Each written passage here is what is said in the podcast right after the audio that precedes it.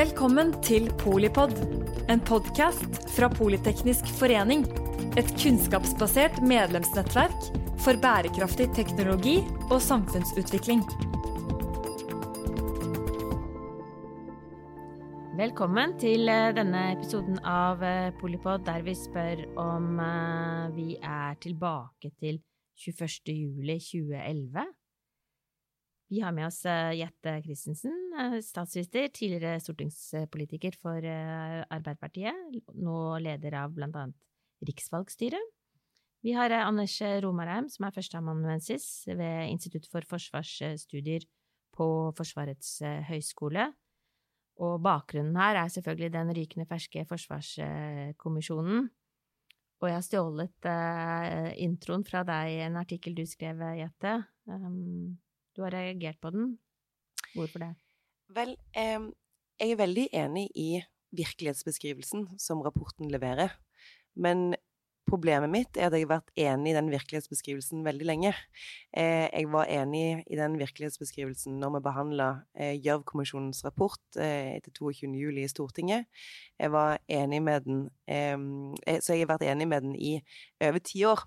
Så overraskelsen min var at kommisjonen beskriver en situasjon når det, eh, når det kommer til sikkerhetsforståelse og samarbeid, eh, som var veldig gjenkjennelig for meg eh, fra når Stortinget behandla 22.07-kommisjonens rapport. Jeg leste disse to rapportene komparativt, og da er det en del eh, uttrykk som går igjen, og det er en del eh, situasjonsbeskrivelser som man eh, kan kjenne seg mye igjen i. Og da som tidligere politiker så eh, tar man jo et skritt tilbake og begynner å reflektere over hva er det som gjør at selv om et samla storting fatter vedtak, selv om alle etatene fatter vedtak, selv om den offentlige samtalen er enig om at nå er det som trengs, er mer samhandling, eh, mer samhandling på tvers, en felles situasjonsforståelse, eh, så får man da en rapport om Forsvaret så mange år etterpå som gjentar mye av de samme problemene. Fordi at hvis man bare hvis vi bare nå gir oss sjøl litt tid til å se på hva var det som eh, sto i avslutning til 22. juli-kommisjonens eh, rapport. De skriver at der det svikta, så var det evnen til å erkjenne risiko og ta lærdom av øvelser eh, har vært for liten. Nå skal ikke gjenta alt, men eh, i tillegg så skriver de det var ledelsens evne til å klargjøre ansvar, etablere mål og treffe tiltak for å oppnå resultat har vært utilstrekkelig.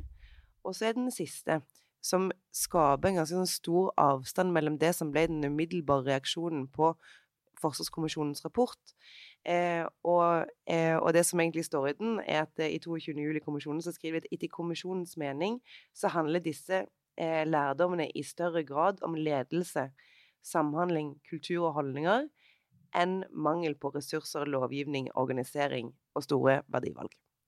Fordi at, Hva var det offentligheten diskuterte når F eh, Forsvarskommisjonen la fram sin rapport? Det var utgifter. Kostnadssiden. Eh, kjøping av ting. Eh, og det er, er, jo klart at det de foreslår, er jo kostbart og, og store økninger i budsjettet. Men det de også beskriver, er en tilstand i det norske forsvaret der det er for få møtepunkter og for svak felles eh, eh, risikoforståelse til å kunne møte de sammensatte truslene vi har, står overfor, på en, på en eh, tilstrekkelig måte, rett og slett. Så det er ikke penger det står på? Nei, foreløpig er det jo penger det står på. Eh, vi har hatt en økning i forsvarsbudsjettene, eh, men ingenting som er i nærheten av å forsvare Eh, ressursbruken eh, i negativ forstand, eh, med tanke på den sikkerhetspolitiske situasjonen landet befinner seg i. Og dette har vært med vekslende regjeringer fra både høyre- og venstresiden. At man har satsa på Forsvaret, men man har satsa med måte. Og så har uh, utgiftssiden økt og økt. Ingenting stiger, alle priser stiger for tida, men ingen priser har steget mer omtrent i verden enn forsvarsmateriell, så det er dyrt å holde seg med et godt og sterkt nasjonalt forsvar. Men det er jo veldig, veldig risikofylt å ikke holde seg med det. Og den eh, risikoforståelsen har simpelthen aldri siget inn i det norske folk. Vi skånes eh, for snakk om at krigen kan komme hit. Eh, når Sverige sender ut brosjyrer til befolkningen om beredskap, så er det 'hvis kriget kommer'. I Norge så, mm, så syns de det blir for voldsomt i høst. I Sverige så er det jo nær kriget kommer. Ja, nær kriget mm. kommer. Det er, det er, litt mer rene ord for penga, og for ikke snakke om Finland, hvor de ikke hvor de, Nærheten til en eh, militaristisk, ekspansiv, uberegnelig eh, diktatorisk tyrann eh, er, er, mer påtrengende eh, i Helsinki enn i Oslo. Det er det ingen tvil om. Så at vi har et mentalitetsproblem der vi tenker at det ikke kan ramme oss, der vi tenker at vi er Norge, vi er gode, vi skal fredsforhandle, vi skal alle de andre tingene. Eh, vi trenger ikke ta ut en så stor eh, sikkerhetspolise eh, i et sterkt forsvar som, som det hva skal vi si, Forsvaret ber om. Eh, du finner eh, fagmilitære råd gitt av Håkon Brun-Hansen i sin tid, som var ekspansive, som var tilpassa den situasjonen vi befinner oss i nå. Men forsvarsplanlegging og å manøvrere Norge sikkerhetspolitisk handler jo om å se trender framover tid. Eh, og det gjør jo Forsvarskommisjonen ganske forbilledlig, med med et veldig godt fremoversyn i eh, en utredning som, eh, som jeg vil gi en eh, fjær i hatten til. Dette er et, et, godt arbeid, men det er også en, norsk, det er en del av Norges offentlige utredninger. Det er ikke noen kioskvelter. Og de kommer til å slite med å få stor endring i norsk sikkerhetssektor, selv om arbeidet de har lagt ned, er godt. For den har nå Det er 30 år siden forrige. Mm. Og så er det snart eh, 12-13 år siden eh, 22. juli-kommisjonen. Og så er dere enige om at eh, situasjonsbeskrivelsen er, eh, er, god, men det er eh, ingen som hører på den, da? Eller ingen som eh? det, det, det, er det jobben består i nå. fordi at du snakker om befolkningens situasjonsforståelse. Og den Det er nå så. Det som jeg opplever er mye mer alvorlig, er jo etatenes felles situasjonsforståelse mm. om hva det er som er forlig og ikke forlig, mm. eh, hva det er som avkrever samarbeid, og hva det er som ikke avkrever samarbeid. For det er klart at eh, det vi står overfor, som er det mest eh, som vi må ruste oss fort opp fortest for, er jo disse sammensatte truslene. Og problemet med sammensatte trusler er jo mange. Eh, både det at de er effektive eh, og i stand til å, å, destabilisere et samfunn, men det, de er effektive fordi at de nettopp er sammensatte. Fordi at de slår ut flere deler av samfunnet samtidig, eh, eller at de retter seg mot flere deler av samfunnet samtidig. Og det at Norge er så sektor innrettet, gjør at vi er mer sårbare eh, og mindre rusta til å møte disse truslene enn før. Eh, og det er jo nettopp det som jeg eh, syns er litt urovekkende når eh, 22. juli-kommisjonen eh, nettopp pekte på dette samarbeid eh, som en så viktig grunn til at ting gikk så galt som det gjorde. Og nettopp det du tar opp med, med det å ha en sikkerhetsforståelse og en situasjonsforståelse, er jo veldig interessant. Både overfor befolkningen, men det som er, er ikke bare interessant, men urovekkende, er jo det som står i, i kommisjonens rapport om, eh, om at den sikkerhetsforståelsen er forskjellig i de ulike departementene og i de ulike sektorene. Fordi det, eh, Grunnen til at det er et problem, er at den største trusselen vi står overfor, er sammensatt. Den er så sammensatt at den har fått sitt eget navn. Sammensatte trusler. Eh, og grunnen til at sammensatte trusler er så effektivt, er jo fordi at de er i stand til å eh, påvirke helt, uh, ulike deler av samfunnet samtidig, og de er i stand til å uh, sette ut ulike deler av samfunnet samtidig. Det er vi i Norge mest, mer sårbare for enn andre, siden vi har en så sterk sektortenkning, både innenfor eh, sektoren, men også i hele samfunnet vårt. Og det er derfor meg og deg har sittet her sammen før. Vi har sittet her sammen før og snakket om hva skjedde med Bergen Engines. Hva var det som skjedde når noen departement eh, eh, mente det var helt, eh, helt i orden å selge eh, sårbare forsvarshemmeligheter til russiske næringsinteresser med nære bånd til Putin. Hva var det som skjedde når noen hadde At det gikk an å ha en så forskjellig eh, forståelse av hva, var, hva, det var, som var farlig, og hva det var som ikke var farlig, og hva det var som var til salgs og ikke til salgs. Eh, grunnen til det er jo fordi at man mangler denne situasjonsforståelsen, og man mangler eh, den felles den felles oppfattelsen av hva det er som er farlig. og det er det som gjorde meg så overraska når jeg leste den rapporten, at eh, det er 13 år siden eh, eh, 22. juli gjorde at vi, vi, kom der vi kom, fordi at eh, det skorta på samarbeid. Eh, og allikevel også, Det er mange år siden allerede, eh, Bergen Engines-saken. og at vi fremdeles er der. at vi er så sårbare overfor sammensatte trusler, det overrasker meg. Og det handler jo om styring mer enn det handler om penger. Mm. De sammensatte truslene, jeg beskriver de oftest som hybride trusler, men det er sånn cirka det samme. De er jo designa nettopp for å komplisere respons. Det skal være vanskelig å skjønne hva som foregår, og hvor skoen egentlig trykker.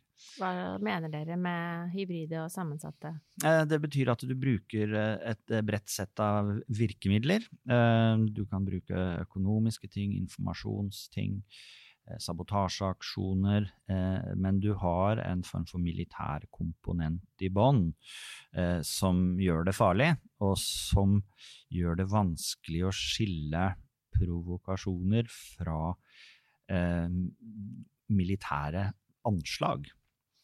Eh, når Russland møter Nato, og når Russland møter oss i nord, så er de alltid eh, veldig årvåkne overfor artikkel 5-terskelen. Norsk forsvarsplanlegging er ganske tydelig innretta mot å jekke noe opp til et Nato-anliggende ved å si vi er under angrep ganske raskt hvis vi mistenker det, eh, og, og påkalle eh, allierte forsterkninger ved behov.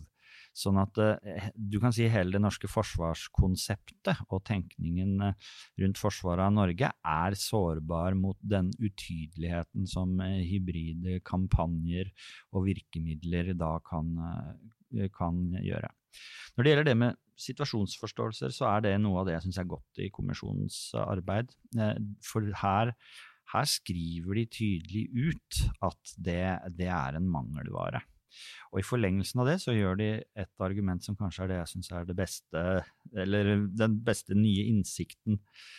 Uh, en av de som jeg tar med fra arbeidet deres, det jeg har fått satt meg inn i, det er et stort dokument. De skriver jo at det, det, det vi ser florerer nå i Norges sikkerhetssektor, det er sånne uh, interetatlige samarbeidsgrupper.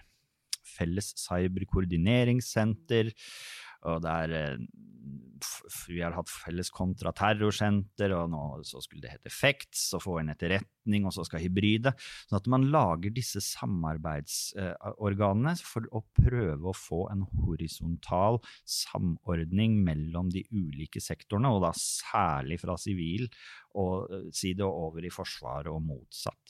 Eh, sånn at det, var, det vi kan si forvaltningen, og kanskje også regjeringen, på en måte smykker seg med og sier se, vi koordinerer, det gjennomskuer etter min mening Forsvarskommisjonen og sier ja, og her har vi en serie ad hoc-ting som sitter på hver sin tue, fordi det ikke fins noe overordna sted der denne kompetansen om trusselsituasjonen, akutt kompetanse, rettidig etterretning om hva som beveger seg og kan true Norges sikkerhet, det sammenstilles ikke noe enkelt sted.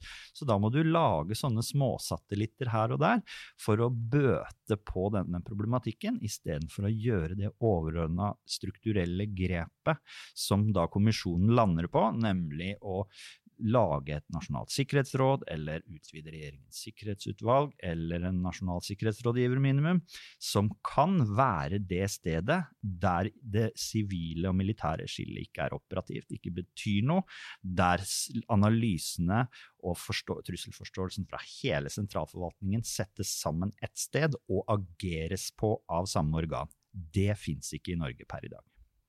Og de sier jo ikke bare 'se vi organiserer', de sier også 'se vi vedtar ting'. Mm. Eh, og det er jo veldig behagelig eh, eh, å gjøre som politiker. Jeg har vedtatt ting, eh, så da blir det sånn. Men eh, det som slo meg etter å lese denne rapporten, er eh, at hvis politikere blir konfrontert med eh, en virkelighet som ikke er i tråd med det vedtaket de har fatta for noen år siden, så er den naturlige reaksjonen på det å si at man har fatta et vedtak, eller at man har lagd en plan. Men, eh, eller eh, for den del gjort en bevilgning. Eh, men det må man slutte med. nå den hvis den forskningskommisjonen skal bidra med én ting, så må det være at man begynner å se på hva er effekten av vedtakene, og ikke bare hva står det i vedtakene. For det er jo det som er interessant. Det er jo virkeligheten som er interessant. Mm. Og den er veldig godt beskrevet i kommisjonens rapport.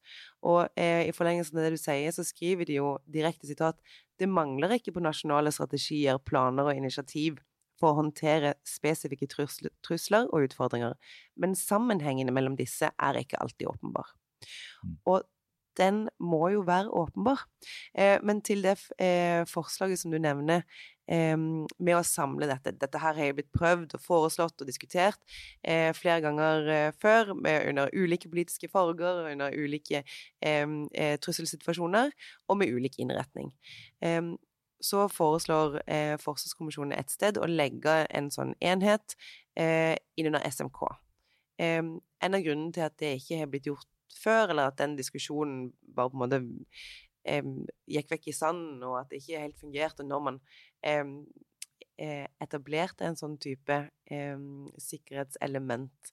Eh, da sprang jo alle rundt og lurte på hvor det elementet var henne, og hvordan det så ut, hva, hva det egentlig skulle innebære, og tulla litt med det. Men jeg tror jo at eh, poenget er jo veldig eh, viktig, det å få en samhandling. Men bekymringen var før at hvis alle har ansvar for noe alltid, eller hvis det, er, er eh, hvis det er ett sted som har ansvar for alt, så vil de som har ansvar for den daglige oppfølgingen, ikke ta det ansvaret som bør pålegge dem.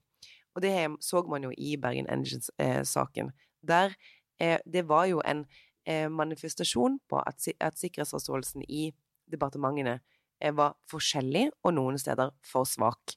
Ikke sant? Så da har man jo vedtatt eh, at man skal eh, skape en, en større eh, En bedre sikkerhetsforståelse, og en eh, sikkerhetsforståelse som deles. Men det kan man ikke vedta. Det får man kun til hvis det er et ønske om det. Eh, og, og, hvis det er en eh, plan for det, og hvis det organiseres for det. men det som jeg syns blir spennende med den rapporten, er jo at det er helt åpenbart at man trenger en bedre samhandling. Men hvis det politiske Norge ikke legger dette her inn under SMK, hva skjer da? Eh, fordi at mange av de enkeltforslagene de eh, trekker opp, foreslår de å legge inn under eh, SMK, eller inn under en, sånn eh, nasjonal sikkerhetsstrategi som skal legges i SMK. Men hvis det ikke blir lagt der, hva skjer med alle, de, med alle de forslagene som skal legges inn der? Ingenting. Det er det som er den store frykten, at vi igjen får en stor, en, en god gjennomgang av situasjonsbildet, men som ikke blir fulgt opp fordi at man ikke klarer å bli enige om hvor det skal følges opp. Mm. Og SMK er uh, statsministerens kontor. Ja. Um, det er uh, Det er en uh, veldig vektig bekymring. hvis den brikken ikke kommer på plass, så er det et spørsmål hva alt andre de foreslår, eh, kommer til å utrette. Og det finnes jo dessverre eh, en god mulighet for at eh, det ikke kommer på plass denne gangen heller. Nå har vi en fersk forsvarskommisjon i hånd som foreslår å legge koordinering av nasjonal sikkerhet, både strategi, den daglige driften og sammenstilling av eh, etterretningsinformasjon og, og situasjonsbildet til statsministerens kontor. Det fikk vi egentlig det motsatte i Gjørv-kommisjonen. Eh, på mange måter, eh, og dette har jeg skrevet offentlig om òg i tiden etterpå, Gjørv-kommisjonen frikjente på mange måter statsministerens kontor fra hele 22. juli-problematikken og fra beredskapsproblematikken som eh, plaga Norge i perioden fram til 22.07.2011. Eh, og det, det, er en alvorlig eh, sak. Eh, men de landa på at det var holdninger, kultur og ledelse som var det rette stedet å sette det inn, og at strukturelle forandringer ikke ville nødvendigvis gi noen gevinst. Det er jeg helt uenig i. strukturelle forandringer kan være en en katalysator for kulturell endring i organisasjoner. Og at Gjørv-kommisjonen overså det poenget, er meg en gåte den dag i dag. Det, eh, for meg fremstår det helt åpenbart. Så er det ikke sånn at du forandrer på en struktur, og så blir alt, eh, alt fint. Eh, det er ikke sånn det fungerer. Men gjennom mange år, de som har jobba mye med nasjonal sikkerhet, og trendene internasjonalt, akkurat pga. det trusselbildet som Jette bra eh, eh, beskrev i stad, går mot en større sentralisering med en nasjonal sikkerhetsrådgiver eller et nasjonalt sikkerhetsråd i toppen. England gjennomførte det sånn ca. 2010. Eh, Finland har en sak på plass. Sverige gjorde det i fjor. USA har hatt det siden andre verdenskrig. De er på en måte litt modellen på det. Sånn at dette er dette er slik det organiseres, men i Norge så motarbeides det ganske aktivt av sentralforvaltningen, av embetsverket, og kanskje delvis av den politiske klassen, fordi i Norge har vi en parlamentarisk sedvane med eh, en, at vi er veldig opptatt av at én statsråd skal ha det konstitusjonelle ansvaret overfor Stortinget. Og Hvis vi ikke klarer å identifisere hvem det er, da går det som i Bergen Engines. Da, da er det ingen som, som, tar den ballen. Altså, det norske systemet, og det beskrives i Forsvarskommisjonens rapport, eh, er veldig bra i den daglige driften for å avklare hvem som har ansvaret for hva. Eh, men når du får grensetilfellene, de få grensetilfellene som er, så kan, det, så kan saker glippe helt. Og da er det ingen som har det overordna ansvaret for å se og koordinere det, og heller ikke myndigheten til å gå inn og få gjort noe med det. Og i en sikkerhetspolitisk situasjon der trusler kan uh, forme seg ganske raskt, så er det en utilstrekkelig organisering. Og en av medlemmene eh, i eh, Forsvarskommisjonen er Rolf Tamnes. Han leda ekspertgruppen for Forsvaret, som eh, kom ut for en seks-sju år siden. De foreslo også konkret eh, at, eh, og der sto det ordrett, at eh, per i dag så er ikke strategisk kriseledelse noe som statsministerens kontor kan gjøre annet enn som ved improvisasjon. Mm. Det finnes ikke stabskraft der til å drifte det rundt, og da må du ned mer på det enkelte departements drifting av en krisehåndtering og manøvrering i en tilspissa, farlig eh, strategisk situasjon som kan melde seg på en helt annen måte enn vi trodde for bare tre-fire år siden. Og så er, er, det jo noe med ordlyden også. Eh, når eh, de skriver at forståelsen av sammensatte trusler er så umoden direkte stat, eh, at vårt liberale demokrati kan settes under press. Eh, da Altså, bruken av ordet umoden her eh, ville jo vært i dagligtale en, eh, en under, underdrivelse. Og det er jo en situasjon man, man kan ikke ha det sånn. Men spørsmålet kommer jo til når det er eh, så mange som har eh, prøvd å feile eh, med å, lage et felles element, så må vi planlegge for en eh, B-situasjon. Altså man planlegger for en situasjon der det ikke vil bli etablert. Hvordan vil det da se ut? Eh, fordi når man eh, fatter vedtak, sånn som man gjorde til Bergen Engines, sånn som man gjorde til 22. juli, og sånn som man gjør hver eh, hver gang man behandler forsvarsbudsjettet og langtidsplanen osv. Eh, det man må spørre seg, er jo Hvorfor blir ikke resultatet som ønsket? Hvorfor etablerer vi ikke en felles sikkerhetsforståelse? Hvorfor er vi så sårbare mot disse sammensatte truslene, og hvorfor godtar vi at denne situasjonen skal være?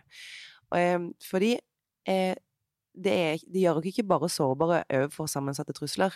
Det er en ytterligere sårbarhet som reflekteres da. Fordi at hvis politikerne bestemmer ting, eller hvis politikerne fatter vedtak, og de ikke blir oppfylt. Da blir jo befolkningen overlatt eh, til å lage en ny for, eh, fortelling om hvem det er som egentlig bestemmer. Mm. Eh, og det er jo en situasjon som er direkte uholdbar. Eh, ikke det at politikerne er alltid de lureste i rommet, men det er de som har folkevalgt makt.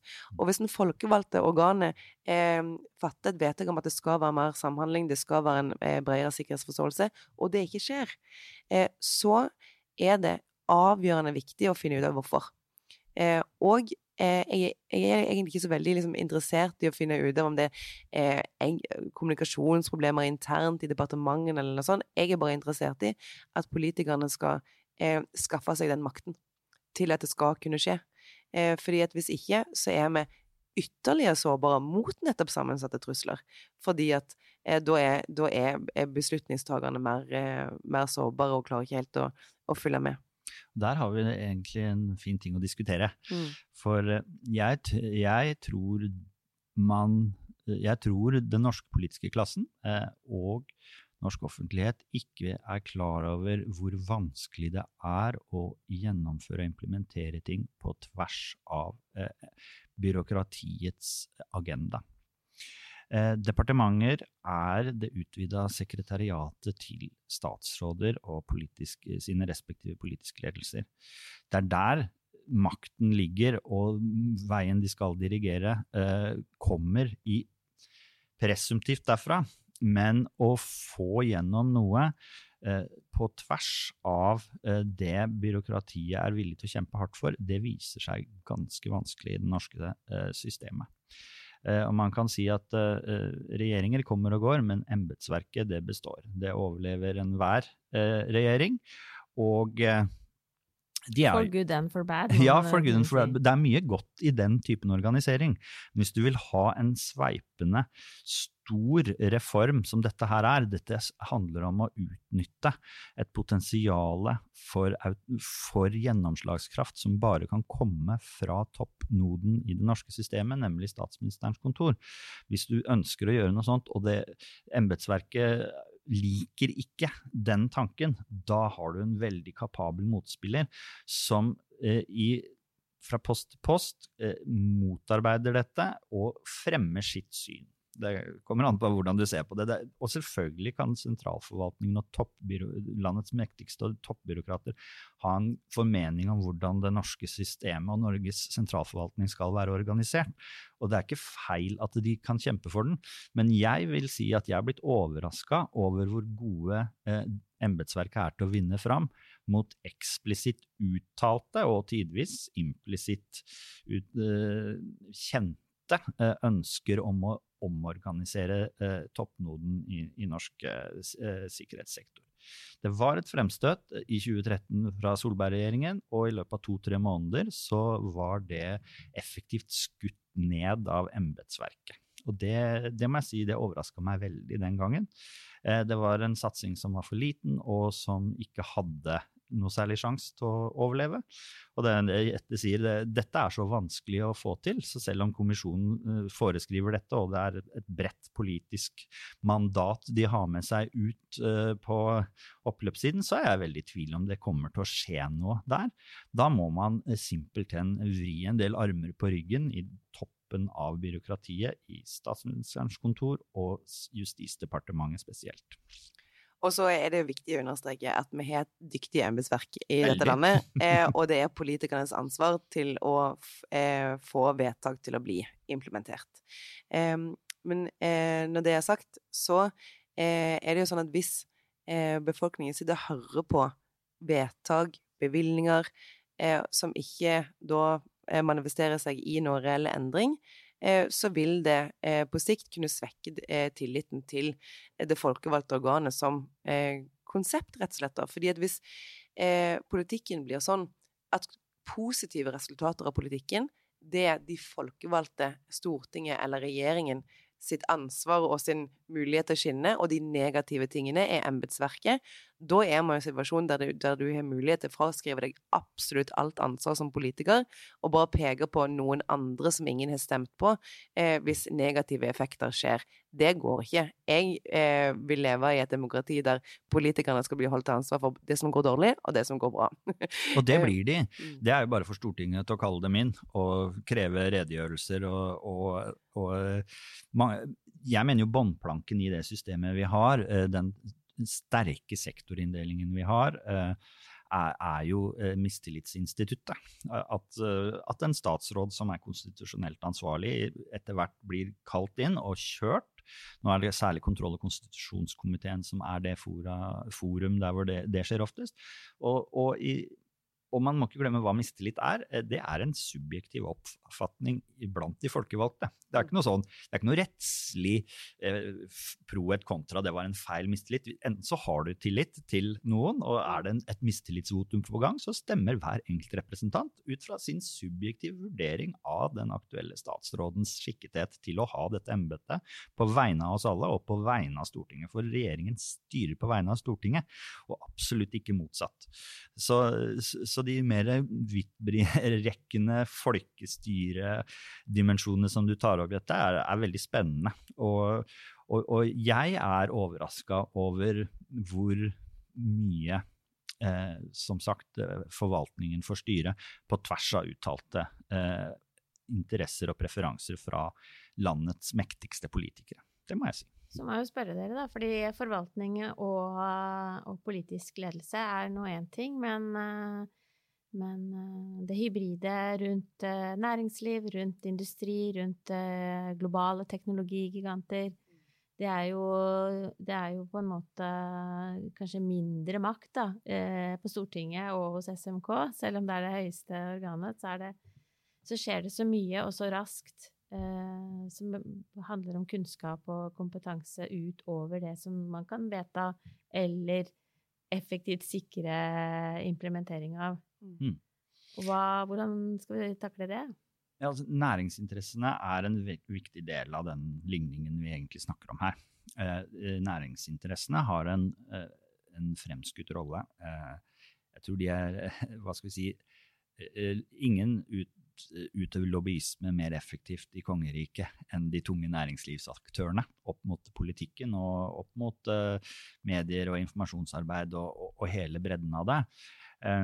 Og uh, en av instrumentene for å sikre kongeriket er jo lov om nasjonal sikkerhet. Den vil jo være helt vesentlig i alt som skjer framover på nasjonal sikkerhetsstrategi og utviklingen på feltet, og den eventuelle fremveksten av et sterkere nasjonal sikkerhetsmiljø ved statsministerens kontor, som, som er, ligger på bordet nå og er foreslått. Eh, men næringsinteressene, de er tett kobla til sine respektive departementer. Næringsdepartementet skjøter jo eh, et eh, Altså, de er jo en del av sentralforvaltningen, men de er en del av sentralforvaltningen som har et veldig godt forhold til og omsyn for de norske store selskaper, og altså norsk industri og, og, næringsutviklingspreferanser. De tas inn der. Og Olje- og energidepartementet har jo gjennom mange tiår eh, unnlatt å innberette noen del av olje- og gassbransjen som, del, som underlagt sikkerhetsloven. De har i praksis unntatt en hel sektor, en hel privat sektor, eh, fra eh, sikkerhetsloven. Nå, etter Nord Stream, så har dette kommet mer i spill, og man har fått inn dette eh, på en litt annen måte. Men, men, jeg tror ikke man skal være i tvil om at næringsinteressene er, er en vesentlig del av at sikkerhetssektoren er organisert sånn som den er. Eh, sikkerhetsloven ble revidert, men utpeking av de skjermingsverdige objektene og grunnleggende nasjonale funksjoner ligger fortsatt hos det enkelte sektordepartement. Og det er en ordning som norsk næringsliv eh, liker mye bedre enn at eh, rene nasjonale sikkerhetsmiljøer ved statsministerens kontor skal kunne skjære gjennom og få den sikringen som statssikkerheten fordrer. Jeg tilhører de som vil det, eh, og tror at norsk næringsliv kommer til å leve godt med det. Men de føler seg nok mer bekvemme med aktører de kjenner godt i spesifikke departementer som de pleier kontakt med, og folk går litt inn av eh, næringsvirksomhet og private eh, selskaper og, og over i, i, departementer og tilbake. Og da blir det en del bindinger som gjør at de kanskje er mer komfortable med å være styrt på den måten, da. Samtidig er um, Jeg tenkte på en helt annen ting jeg, når du stilte eh, mm. spørsmålet ditt, Mette. fordi eh, hva er hybride trusler? Hva er sammensatte trusler? Og hva er problemet med de, og hvem er avsender? Avsender av disse truslene er jo eh, land med et annet type styresett enn oss, som ønsker å destabilisere liberalt, liberale demokratier som er rundt seg. Det er derfor det er eh, farlig å være et liberalt demokrati. Fordi at de som ikke er det, eh, vil deg eh, ikke vel. Eh, fordi at det å ha eh, flere liberale demokratier rundt seg mens du er autokrat, det gjør at det blir vanskelig for deg å utøve ditt virke som autokrat. Da er det mange som kommer og sier at du må følge internasjonale spilleregler og alt mulig, stå i veien for din, eh, ditt eh, maktmisbruk. Eh, og de som er særlig sårbare over disse truslene, er jo nettopp næringslivet. Er jo nettopp vår felles velferd. Er jo nettopp vår felles sikkerhet. Fordi norsk næringsliv er jo avhengig av at så mange som mulig følger de internasjonale spillereglene som eh, vår velferd og, vår, eh, og oljefondet er avhengig av at skal fungere. Eh, sånn at eh, næringslivet er sårbare. Eh, vi er alle sammen sårbare fordi at vi bruker teknologiske virkemidler til å føre en offentlig samtale som noen eier, og som er i stand til å manipulere og er i stand til å kjøpe seg inn i og booste hva som er store konfliktlinjer og ikke. Så det er jo det som Forståelsen av hva det er som er farlig, hva det er som faktisk skjer, og hvem det er som prøver å destabilisere oss, er jo en del av, av, eh, av dette. Eh, fordi det som er lett eh, som politiker, er å bevilge penger. Det som er vanskelig som politiker, er å få resultat. Eh, og det eh, vi sitter her og har en felles sånn, frustrasjon over, er jo det manglende resultatet ikke sant? Um, sånn at um, for, å, for, å, kunne få det, så er man eh, nødt for å, å ha en sterkere sikkerhetsforståelse, som vi nå igjen kommer tilbake igjen til. Men også fordi at næringslivet, ja, de er aktører, men de er også veldig sårbare. Eh, og er ikke, ikke en selvstendig stemme inn i eh, de som fatter beslutningene. Jeg tror eh, det prismet som du tegner av internasjonal politikk, der er, jeg veldig enig i. Um, det er en kamp, det er en ideologisk kamp, litt som under den kalde krigen, mellom demokrati og antidemokratiske krefter. Man kan kalle det autoritære krefter, den typen ting. Det blir litt som kristendom og satanisme. Det er ikke som den kalde krigen, der kommunistene virkelig trodde på sin visjon og, og, kjempet mot kapitalismen og det frie, demokratiske samfunnet på et vis. Her er det de demokratiske idealene som angripes fordi noen ikke liker de idealene, uten å egentlig ha en, ha en egen selvstendig ideologi. Men fordi du har en ideologi på ene siden, så blir det en ideologisk kamp, mener jeg. Og, og, og det er eh, det, det er noe som kommer til å prege resten av 2020-tallet, og kanskje mye lenger enn som så.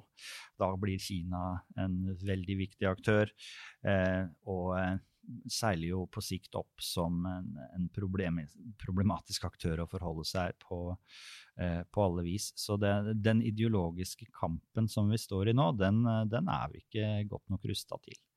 Når det gjelder hvem som gjør hva, og koordinering, så ligger jo på et vis koordineringen på sivil sektor i dag i Justisdepartementet.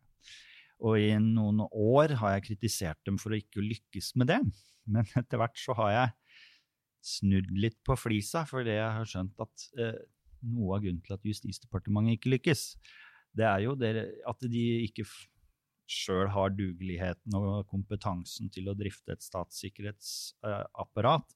Men vel så viktig er at andre departementer ikke vil bli koordinert.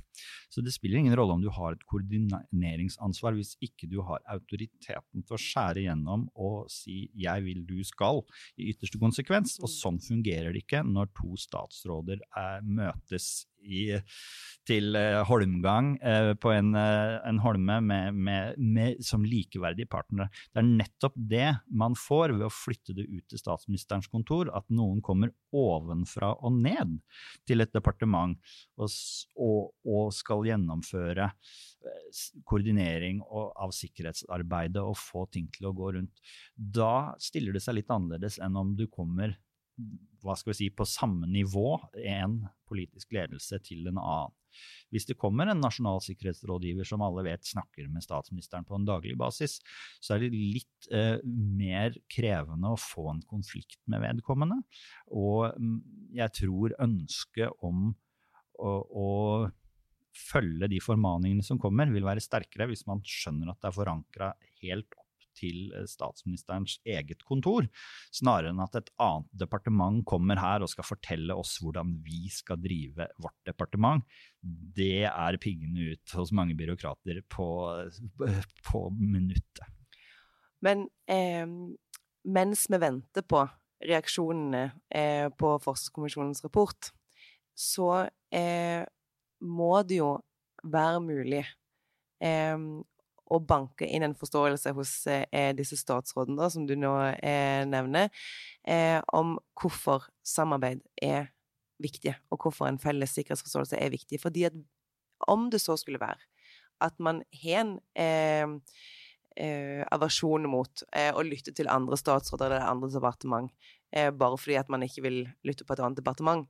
Ehm, så eh, hvis ikke det å stå opp mot hybride trusler, hvis ikke det er, liksom, er motivasjon nok, så bør det i hvert fall være motivasjon nok eh, å tjene det systemet som har gitt deg legitimitet. Fordi at hvis dagens demokratiske politikere ikke er i stand til å Eh, møtes for å løse de problemene som vi opplever at vi har i samfunnet. Og det er ikke bare en opplevelse, det er helt reelle problemer. Eh, som eh, Et av de er sammensatte trusler. Et annet er eh, tech-utfordringen som du eh, snakker om, Mette. Eh, og, og det er flere sånne nye problemer som ikke er en umiddelbar ideologisk løsning, og som heller ikke blir løst umiddelbart eh, hvis man feiler å finne løsninger på dette, eh, så vil man jo etter hvert begynne å snu seg rundt i et annet system som klarer å løse de problemene. Ikke at det fins, men eh, tilliten til demokratiet eh, som konsept eh, er jo avhengig av at politikerne klarer å løse denne store oppgaven som eh, som Forsvarskommisjonen peker på i sin rapport. Og Her er det nok en ting som det står litt for lite om eh, i, i, rapporten, nemlig utviklingen i USA. Det er nevnt, eh, men eh, jeg, jeg syns de kunne brukt litt mer tid på det, eh, siden forutsetningen for alt de foreslår gjennom de nærmere 400 sidene, er at vi kan stole på USA og Nato-medlemskapet som vår sikkerhetsgarantist, som det har vært siden andre verdenskrig om lag. De amerikan, altså det amerikanske demokratiet står mye nærmere avgrunnen enn det norske. Og det står mye nærmere avgrunnen, tror jeg, enn mange nordmenn er klar over. Eh, for der, der, er jo det som Jette beskriver her, en tillit til at eh, eh den demokratiske staten og at det demokratiske valg styrer og løser hverdagsproblemene til folk, og at valgresultatet har integritet, og dermed eh, hele styresettet over tid har integritet. For valgpåvirkning er en veldig, veldig destabiliserende og skadelig eh, aktivitet. Og det er mye mer enn å klare å tvike noen få prosenter på et eller annet eh, valgutfall. Det, den langsiktige målsetningen er jo å svekke tilliten til demokratiet som styreform da eh, begynner det å bli veldig farlig. Og du trenger ikke klare å påvirke valget hvis du klarer å påvirke folks oppfatninger om at valgene ikke er rettferdige, at valgene er korrupte, og at det, det ikke er integritet i det enkelte valgresultat. Det er en utrolig farlig utvikling som vi ser i USA. Eh, og eh, nå vurderer jo Trump å stille igjen. Eh, og han mener jo at han aldri har tapt, selv om han ga fra seg makten, så, så har du da nå en frontrunner på republikansk side som simpelthen ikke anerkjenner de demokratiske spillereglene. Og det er et spørsmål hvor lenge man kan holde på i et topartisystem som USA, hvis det ene partiet heter Demokratene fordi de aksepterer demokratiske spilleregler, og de andre er republikanerne som ikke gjør det. det vi skal er... snakke mye mer om uh, USA i uh, neste episode, og vi skal snakke mer om demokratiets uh, grunnvoller i, i, en annen episode. Men vi stoler jo også Det er amerikanerne som skal redde oss, selv om Europa er mindre interessant for USA. hva skal vi gjøre, da? Eh, bare for å eh, knytte en eh, kommentar til, eh, til, det du sier om valgpåvirkning. Eh, dette her er jo ikke eh, et, liksom et, ideologiseminar i, i, i, Venstre. Dette her skjer jo på ekte. det er jo valgpåvirkning er en vare som blir solgt på det åpne markedet. Det er et israelsk selskap som sier at de er på, direkte påvirka et tosifra antall valg nå. Eh, og dette her er jo noe som aktivt skjer, og det er en del av det sammensatte trusselbildet. Det er en del av de tingene. Nå har jeg jo riktignok ikke vi eh, funnet eh, direkte påvirkningsforsøk som bidrar til resultat i Norge, men valgpåvirkning foregår jo ikke sånn som det gjorde i gamle dager, der noen gikk og tok masse stemmer opp i en boks. Nå foregår jo valgpåvirkning oppi hoden til folk mm. gjennom det å etablere falske narrativ. Mm. Eh, og, det, er, og, det, er jo en av de truslene som dette Forsvarskommisjonen eh, trekker opp, om at vi har ingen, i hvert fall som vi vet om, som har den den daglige oversikten over hvilke narrativer som blir forsøkt plassert, hvordan, hvilken effekt det har på oss. Og det å velge å ikke ha den kunnskapen. Da må vi i hvert fall være klar over hva vi ikke vet, eh, og hvor sårbare det eh, gjør oss. Mm. mm. Det der er en veldig vanskelig sak. Eh, hvem kan gjøre det?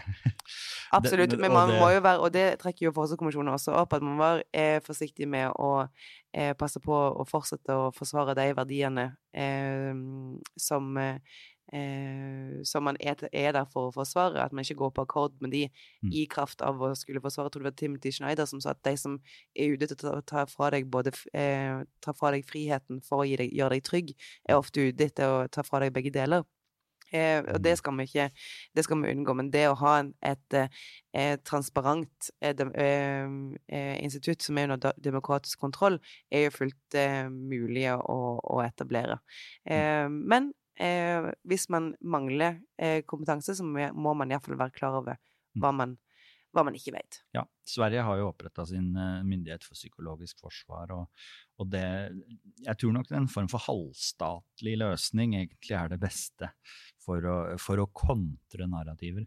Jeg tror det er Taiwan eller et, eller annet, uh, et annet land i, i, i den regionen som har en sånn 222 strategi der, eh, der, man i løpet av to timer skal ha eh, noe som tar to minutter å lese, eh, som kontrer åpenbare falske narrativer i, i mediebildet. Da. Mm. Eh, men eh, dette er veldig vanskelig, fordi det mest effektive mot propaganda er eh, kontrapropaganda. Og da plutselig har man eh, blitt lurt med på en eh, gjørmebryting som man burde avstått fra. Vi trenger å gjøre noe. Vi trenger å tenke veldig grundig gjennom hvordan vi skal organisere det arbeidet. Og der sitter jo du godt i din stilling nå, da, Jette, til å kunne være med å påvirke det. Du får lyse ut store forskningsmidler og bevilgninger for å få utredet dette grundig. og for å avslutte med det som Mette spurte om, hva skal vi gjøre? Vi må bli enige om hva som er farlig, og hva som ikke er farlig. Eh, og så må man eh, forstå at det å bevilge penger ikke er nok. Man må være mer opptatt av eh, resultat enn eh, bevilgninger. Eh, og så må man eh, skjønne at når trusselen er sammensatt, så må eh, Forsvaret også være sammensatt. Mm. Tusen takk, eh, Jette Christensen, eh, statsviter, tidligere stortingspolitiker for eh, Arbeiderpartiet, leder av riksvalgstyret. Jeg må legge til også styreleder i PF Internasjonal politikk og økonomi. Takk også til deg, Anders Romarheim, førsteamanuensis ved Institutt for forsvarsstudier ved Forsvarets høgskole. Jeg vil jo måtte takke deg som hører på, for jeg tenker at eh, kraften i å ivareta demokratiet vårt og, og, forsvarsevnen vår, da Vi har jo ikke snakket om alle disse menneskene som faktisk også skal jobbe med eh, bekjempe truslene. Det er jo deg og meg, da. Sant? Så tusen takk for at du hører på Polipod og lar deg uh, inspirere og få litt ny innsikt uh, denne gangen om norsk sikkerhets- og forsvarsevne. Takk. Takk for at du lyttet til Polipod fra Politeknisk forening. Få med deg flere episoder, eller bli med på nettverksmøtene som du finner på at polyteknisk.